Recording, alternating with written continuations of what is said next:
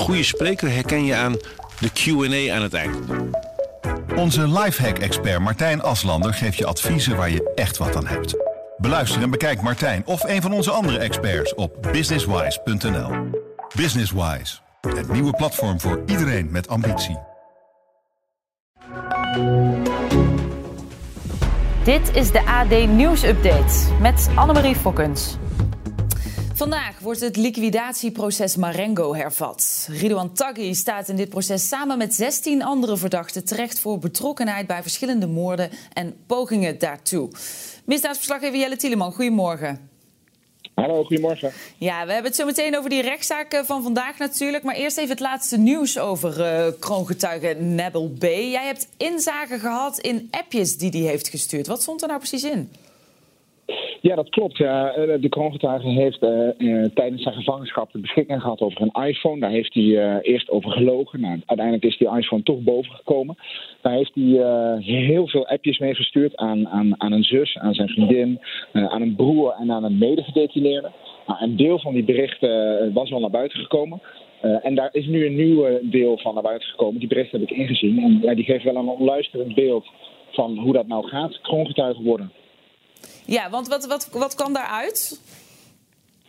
Nou ja, dat je ziet dat hij uh, niet zomaar een spijtoptand is die uh, uit gewetensnood. Uh, hij, hij, wil geen schoon schip maken. Nee, hij kiest er gewoon bewust voor om zich te laten aanhouden, belastende verklaringen af te leggen. Om, om zo geen levenslang te krijgen. Dat is wat hij schrijft. Mm. En wat je ook ziet is dat toch ook financiële motieven wel een rol spelen. als die er nog niet bij hem zijn, dan zijn die er mogelijk wel bij familieleden. Daar wordt door, de, ja, door de kroongetuigen druk over Uh, en uh, ja, met name familieleden die zien een soort ja, kans om, om hier geldelijk te winnen uit te halen. En daar, daar stoort hij zich aan, blijkt uh, uit die berichten. Ja, en wat, wat, wat zegt het dan over de betrouwbaarheid van zijn verhalen? Nou ja, dat, dat is wel apart. Want er zitten dus een aantal uh, passages in die berichten uh, ja, die haaks lijken te staan op, op uh, verklaringen die hij eerder heeft, heeft afgelegd. Um, en dan ga je toch kijken van ja, oké, je hebt daar dus eerst A op gezegd, nu blijkt B. Hoe zit dat? Uh, paradoxaal genoeg is het wel zo dat hij dan misschien wel onbetrouwbaar is. Maar de verklaringen die hij, hij heeft afgelegd, ja, die kunnen ook uh, betrouwbaar zijn. Dus zijn verklaringen over Tachia, en die kunnen misschien gewoon 100% in orde zijn. Terwijl andere zaken uh, juist weer niet betrouwbaar zijn. Okay. Zo gecompliceerd ligt dat in deze zaak. Ja, nou ja, verder dan met het proces van vandaag. Hè, want in juni is de laatste zitting geweest. Er is sindsdien natuurlijk ontzettend veel gebeurd. Waar staan we nu? Ja, dit is de, de zoveelste uh, ja, tussentijdse zitting uh, als het ware. En we hebben natuurlijk deze afgelopen zomer uh, moeten meemaken dat Peter R. de Vries is, uh, is vermoord. Uh, hij was de onder meer vertrouwenspersoon van de kroongetuigen. Daar zal het vandaag ongetwijfeld over gaan. Dus ja, weer een, een, een, dode te betreuren rondom dit proces. Dus daar zal het over gaan. De kroongetuige um, heeft ook aangegeven dat hij weer bereid is om verklaringen af te gaan leggen. Dat hij weer bereid is mee te werken aan dit proces. bij de laatste stand van zaken in het voorjaar was het zo dat hij als het ware een staking was. Dus we gaan, uh, we gaan eigenlijk weer verder uh, waar, uh, waar we voor de zomer gebleven zijn. Nederland gaat net als Engeland een derde vaccin aanbieden. Dat maakte de Gezondheidsraad zojuist bekend. In het Verenigd Koninkrijk kunnen 50-plussers vanaf deze herfst een prik halen. We praten erover met Verenigd Koninkrijk-correspondent Geert Langendorf. Ja, Geert, ook in het Verenigd Koninkrijk is vandaag dus dat bekend geworden. Hoe reageren de Engelsen nou op het nieuws van die derde prik? Uh, nou, die kijken voornamelijk naar de, naar de situatie van de NHS. Uh, het gezondheidssysteem hier, die staat zoals uh, elke winter enorm onder druk. En daarvoor is er op dit moment wel begrip voor dat ouderen, mensen boven de 50 en extra kwetsbaren, dat die een extra dosis krijgen. Mm-hmm.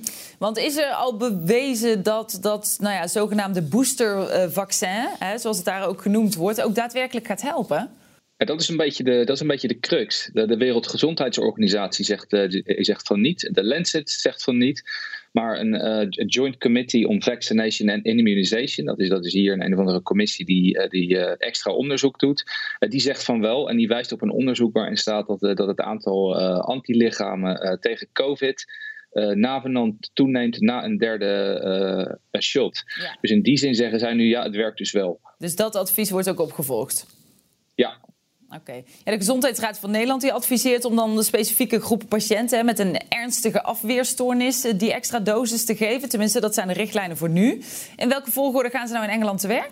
In Engeland uh, eigenlijk net als de vorige keer. Uh, mensen boven de 70, mensen in verpleeghuizen, mensen met een afweerstoornis. Dat kan bijvoorbeeld zijn door, door chemotherapie en mensen die sowieso extreem kwetsbaar zijn. Moet je niet vergeten dat ze hier in Engeland massaal hebben ingekocht. ik geloof dat er deze week nog weer een order is uitgevaardigd voor 100 miljoen extra doses. Ze hebben nog een heleboel in, in laboratoria staan en in opslag. Dus wat dat betreft kunnen ze het zich ook veroorloven om ongeveer 32 miljoen mensen een extra shot te geven. Ja, en wanneer gaat het beginnen dan, dat booster program? Uh, vanaf volgende week, maar wel met de aantekening dat, het, uh, dat elke derde prik uh, zes maanden na de tweede prik volgt. Okay. Dus, dus mensen die hem zes maanden geleden hebben gehad, die kunnen volgende week al. voor de rest is het dus even afwachten. Ede komt weer bij van de grote brand afgelopen nacht. Twintig auto's gingen in vlammen op. Een bewoner van de wijk Veldhuizen zag het voor zijn ogen gebeuren. Toen ik, uh, ik, op, bed, toen ik op bed lag hoorde ik gerinkel. En ik zag uh, toen twee uh, vuurkolommen. En toen ik omdraaide zag ik een jongen weglopen van de, vanaf de middelste auto zeg maar, ertussenin en sprong op een scooter. Daar zat al iemand op en er stond nog een scooter voor met één of twee mensen, dat zag ik niet. Maar ja, het waren don allemaal donker gekleed, hoodies, kan ook geen gezichten zien. En uh, die reden toen weg uh, de, de, de straat uit. Ja, geschokt. Iedereen is geschokt natuurlijk. Ja, Bart Eulen is verslaggever van de Gelderlander en hij staat in Ede. Goedemiddag Bart. Goedemiddag. Ja, jij loopt al de hele dag rond. Hoe trof jij de wijk aan?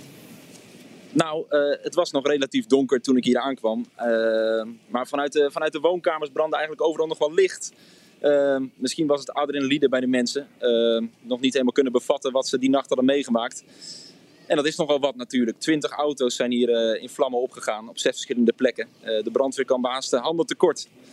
Ja, daar kwam het inderdaad op neer. Hè? Nou ja, een van die getroffen auto's is uh, een gerestaureerd Volkswagen busje. Hè? Nou, iedereen kan zich indenken, daar zit vaak bloed, zweet en tranen in.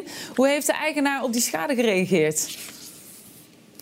Nou, de, de buurtbewoners hadden het busje geleend. Dus meneer die is op de hoogte gebracht. Die is hier ook gekomen. En uh, nou ja, in tranen, dit is een levenswerk, zo'n busje. Hier zit uh, niet alleen heel veel geld in, maar ook vooral heel veel tijd. En die tijd krijg je zeker niet meer terug. Los van uh, of je het misschien nog wel iets voor goed krijgt van de verzekering. Ja. Heb jij nog andere verhalen gehoord van de eigenaren van de auto's? Ja, het, het, het was, het was schrijnend. Een, ik denk een dertiger, die liep naar buiten toe. Die werd wakker gemaakt door zijn vrouw. Er brandt iets. Die is met een emmer water naar buiten gelopen. En die zag dat hun auto net twee, drie weken oud uh, in vlammen stond. Nou, die meneer kwam buiten met de emmer en die dacht, ja, dit ga ik niet meer blussen. En uh, achter hem stonden nog drie auto's te branden. Ja. Is er al duidelijk nou wat die oorzaak is van de branden? We hoorden net die meneer praten over uh, jonge mannen wellicht op scooters. er is nog zo weinig over te zeggen. Wat is nou de aanleiding van de brand geweest? Ja, de, de, aanleiding is, is ook moeilijk te zeggen. Uh, Veldhuizen heeft door de jaren heen een, een, een slechte naam gekregen. Uh, het is de afgelopen jaren eigenlijk hartstikke rustig geweest. Maar er heerst wel een cultuur waarbij op het moment dat er iets gebeurt en je aangifte doet van iets, dat je dan uh, een baksteen door je ruit kan verwachten. En, en of hier uh, ook zo'n uh, zo'n soort geval is, dat, ja, dat moet de politie maar onderzoeken. Maar feit is wel dat, ehm, dat de daders flink hebben huisgehouden. Ja, nou ja, je zei het al, hè, het is niet de eerste keer. Want zo'n 4,5 jaar geleden was het daar ook al flink onrustig. Hè. Toen werd Ede daar ook geteisterd door uh, een pyromaan. Hoe gaat de burgemeester van Ede dit nou aanpakken? Ja, wat kan de burgemeester? Hij kan vooral alleen hopen dat het bij dit incident blijft. Um, inderdaad, bij de pyromaan was het over een langere periode 25 auto's in totaal. De uh, burgemeester heeft gezegd dat er maatregelen komen. Uh, die zullen later vandaag vast duidelijk worden. In het verleden zijn er wel eens camera's geplaatst, uh, zijn er hekken in steegjes neergezet, zodat, zodat jeugd niet weg kan rennen na hun daden. Uh, ja, we, we, wachten. Hij heeft, hij heeft, in ieder geval geschokt gereageerd en hij gaat later vandaag ook nog even langs in de buurt. Oké, okay. dankjewel Bart Eulen van de Gelderlander.